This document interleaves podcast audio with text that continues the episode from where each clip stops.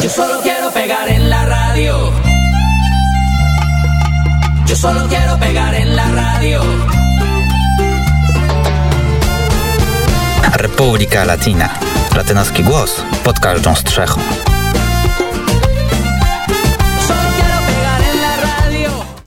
Ten mój Buenas tardes, ten dżingiel, drodzy Państwo, oznacza tylko jedno, że teraz czas na Amerykę Łacińską i na Zbyszka Dąbrowskiego. Witaj Zbyszku. No to już było mój buenas tardes, no nic więcej nie mogę powiedzieć. Hola, ¿qué tal? Hola, ¿qué tal? Mój Buena? Muy bien, Mój bien. Po prostu. Nie, nie no będę to- się chwaliła swoją nieznajomością języka Ale to nie jest takie hiszpańskiego, ale... do nauczenia się. Nauczyć się parę, paru zwrotów, to następnym razem, jak że tak powiem, się spotkamy, to, to, to będziemy mówić. Ja bym chciał jeszcze nawiązać, zanim e, przejdziemy już do sedna, chciałbym nawiązać do e, poprzedniej rozmowy z e, panem Tomkiem i tej sytuacji na Białorusi, bo swego czasu, ja już nie pamiętam na którym portalu, z której strony politycznej, pojawiła się informacja, że oto imigranci kubańscy podobno, a w zasadzie, mm, jak mówi, e, powiedziała strona białoruska, azylanci kubańscy e, usiłowali przedostać się właśnie na teren Polski i e, tam zostali podobno brutalnie potraktowani m, przez policję polską i właśnie odesłani na granicę z Białorusią. E, Zresztą pojawiły się jakieś filmy. No polska strona mówi tutaj o prowokacji i ja myślę, że też tutaj to można, ja powiem tak, ja nie chcę oceniać e, osobiście sytuacji na granicy polsko-białoruskiej, bo jest to sytuacja zbyt skomplikowana na mój mały rozumek. Natomiast proszę Państwa, Kubańczyków w Polsce mieszka sporo. Oczywiście no, w porównaniu z innymi narodami latynoamerykańskimi, no może nie jest to bardzo silna diaspora, ale ci Kubańczycy, którzy tutaj mieszkają, mieszkają legalnie. E, oni legalnie tutaj mieszkają, pracują, są w związkach albo, albo nie są w związkach i e, de facto nikt Kubańczykom e, przyjeżdżać do Polski nie zabrania rozpoczynać nowego życia tutaj również.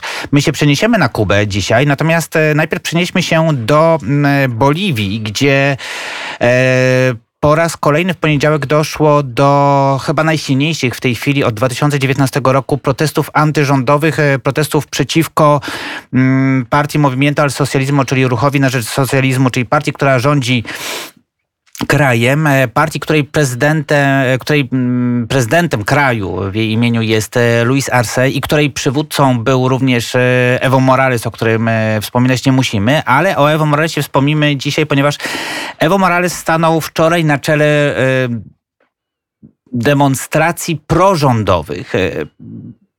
Ukazując wsparcie dla Luisa Arce, powiedział bracie Lucio, Lucio to jest e, skrót od Luisa, czyli od Ludwika w języku polskim, czyli bracie Ludeczku, e, nie jesteś sam, e, jestem, jestem z tobą i mm, chcemy e, bronić demokracji, bo to opozycja mówi, że chce bronić demokracji, a dzisiaj odmawia uszanowania powszechnego głosowania. E, Tak e, mówili wspólnym głosem Evo Morales e, i Luis Arce. Zarazem, proszę Państwa, te protesty, to co ciekawe, pokazują jaka też jest różnica w Boliwii pomiędzy tą częścią górską, a częścią, nazwijmy to, tropikalną. Część górska, której mieści się e, jedno, jedna ze stolic e, kraju, czyli miasto La Paz, gdzie mieści się miasto Cochabamba, gdzie mieści się miasto, e, miasto Oruro. To są jedne z większych miast tej części i to są, to są regiony, które tradycyjnie są raczej właśnie, e, nazwijmy to, prolewicowe, pro, e, prorządowe, e, wspierają, wspierają ludność, wspierają politykę Evo Moralesa i jego pobratym, bo de facto powiedzmy sobie szczerze, Evo Morales na, nadal rządzi krajem, może, może, może rękoma Luisa Arce. Ale to, jest, to są też, to są też tereny zamieszkałe przez ludność w większości, ludność rdzenną i ludność metyską. I do tego, do tej ludności również e, nawiązuje flaga Viphala, o, jej nazwa e, brzmi. E, Viphala to jest taka kolorowa flaga, być może kiedy Państwo oglądaliście jakieś protesty z, z Boliwii, ta flaga się, ta flaga się pojawiła, taka różnokolorowa, z takich różnokolorowych kwadratów, ona właśnie ma symbolizować ludność autochtoniczną i do tej ludności Movimiento al Socialismo bardzo często nawiązuje. Jest takie troszkę, nazwijmy to działanie pod publikę, bo e, de facto te prawa, ludno, e, prawa ludności e, rdzennej nie do końca są respektowane. Sam Evo Morales bardzo często podkreślał, że jest, że jest przedstawicielem ludności rdzennej, czyli jest drugim w historii indiańskim mm, prezydentem kraju latynoamerykańskiego, do czasu, kiedy okazało się, że potrzebne jest również poparcie ludności metyskiej nagle z Indianina zrobił się z niego metys. E, Z kolei, proszę Państwa, e, protesty antyrządowe mm, gromadzą się w e, regionie Santa Cruz, to jest ten region tropikalny, nizinny, gdzie znacznie bogatszy. Region również, gdzie dominuje, skąd w zasadzie pochodzą wszystkie płody rolne, mm, które są konsumowane w Boliwii. No i to jest ta część, z której wywodzi się opozycja, z której wywodziła się między innymi Janina Nies, czyli tymczasowa prezydent kraju w latach e, 2019-2020, która obecnie przebywa, e, która obecnie przebywa e, w więzieniu od marca e, tego roku, no i która no niestety też jest, e, jest tra, traktowana dosyć, e, dosyć nieprzyjemnie przez, e, przez ludzi z reżimu. E, protesty mają miejsce również e, w Paragwaju, z tym, że są to protesty nauczycieli z sektora publicznego. Ponad tysiąc e, nauczycieli demonstrowało w dniu wczorajszym w centrum e, stolicy kraju, miasto, mieście Asunción, domagając się 16% podwyżki e, płac. E, w ramach e, walki z polityką rządu, która już e, drugi tydzień zawieszała zajęcia po długim okresie bezczynności szkół spowodowanym e, pandemią. Pięciu z nauczycieli rozpoczęło wręcz e, strajk głodowy w poniedziałek. E, No i generalnie e, wszystkie związki zawodowe e, nauczycieli paragwajskich e, są za protestami. E, Między innymi pan Gerardo Aquino, członek Narodowego Związku Nauczycieli, e, przywołał e, żądanie inwestycji w edukację na poziomie 7% PKB, czyli jest to minimum ustalone przez e, UNESCO. E, Rząd daje e, 11% podwyżki dla nauczycieli, nauczyciele chcą 16% podwyżki. Co z tego wyjdzie, zobaczymy. Natomiast kolejny protest być może będzie miał miejsce na Kubie. Mówiłem Państwu w zeszłym tygodniu, że kubań- kubańska opozycja planuje protest na 20 listopada. W tej chwili już wiadomo, że ten protest e, nie odbędzie się 20 listopada. Prawdopodobnie odbędzie się on 5 dni wcześniej.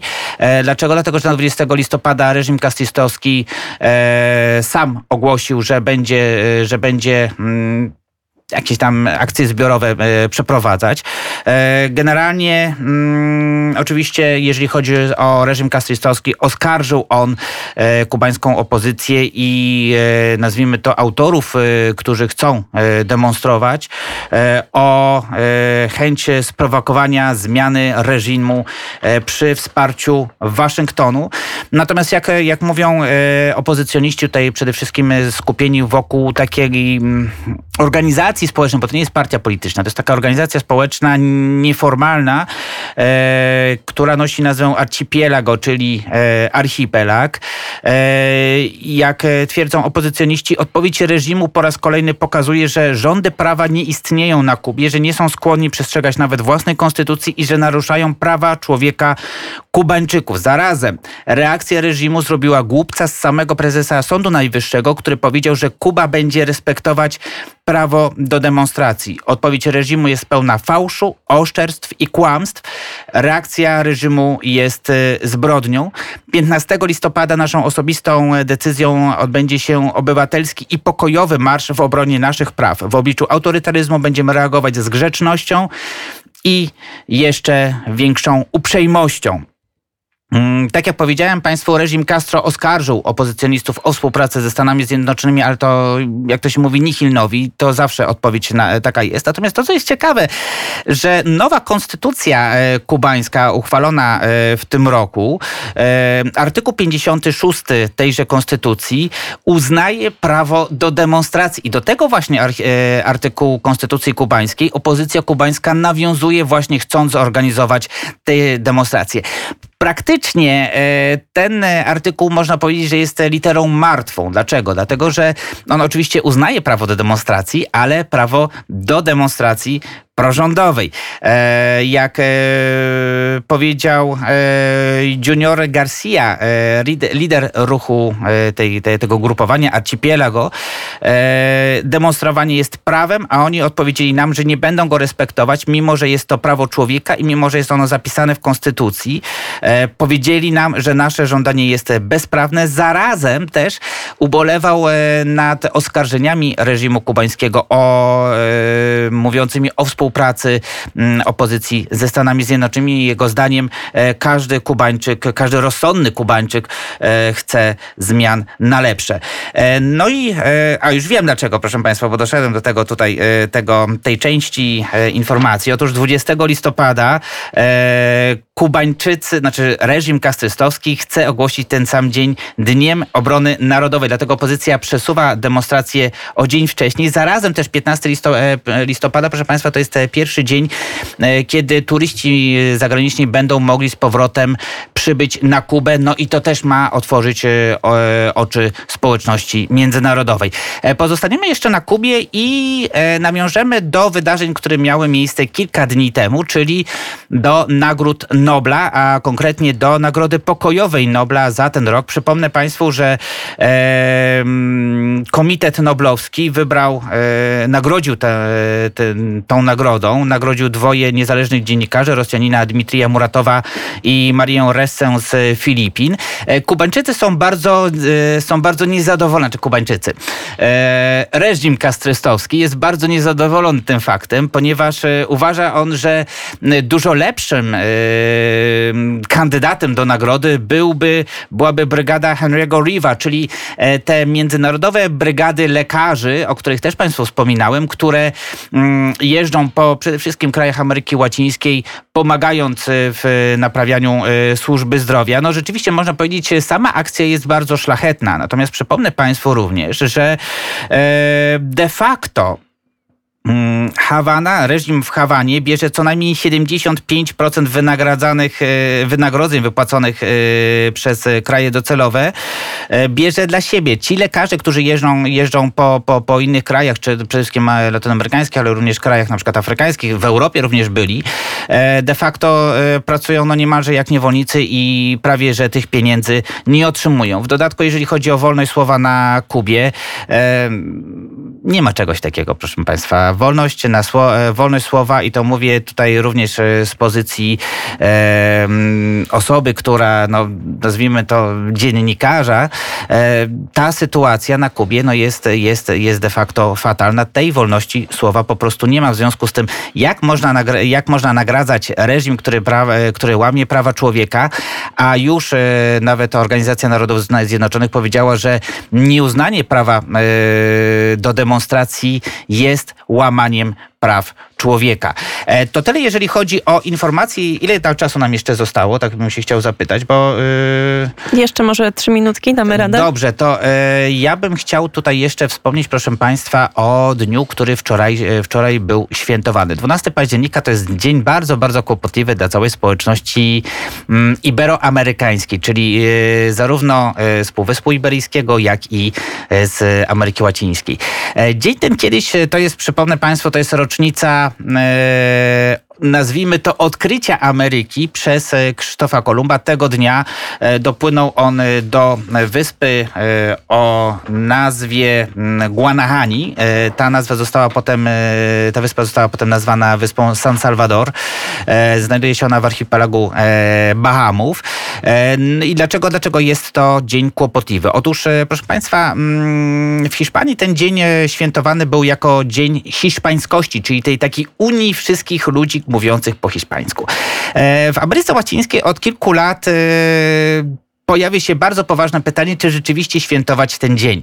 No bo jak mamy świętować podbicie naszych ludzi i e, de facto ludobójstwo przez innych, e, jak mamy świętować zabicie naszych kultur, naszego, naszego dorobku kulturowego, naukowego również, no bo przypomnę Państwu, że w czasach, kiedy nasi przodkowie biegali z, z, z dzidami po, le, po, po lesie, że tak powiem, po, po, po puszczy, e, w Ameryce Łacińskiej działały naprawdę bardzo, bardzo silnie rozwinięte kultury.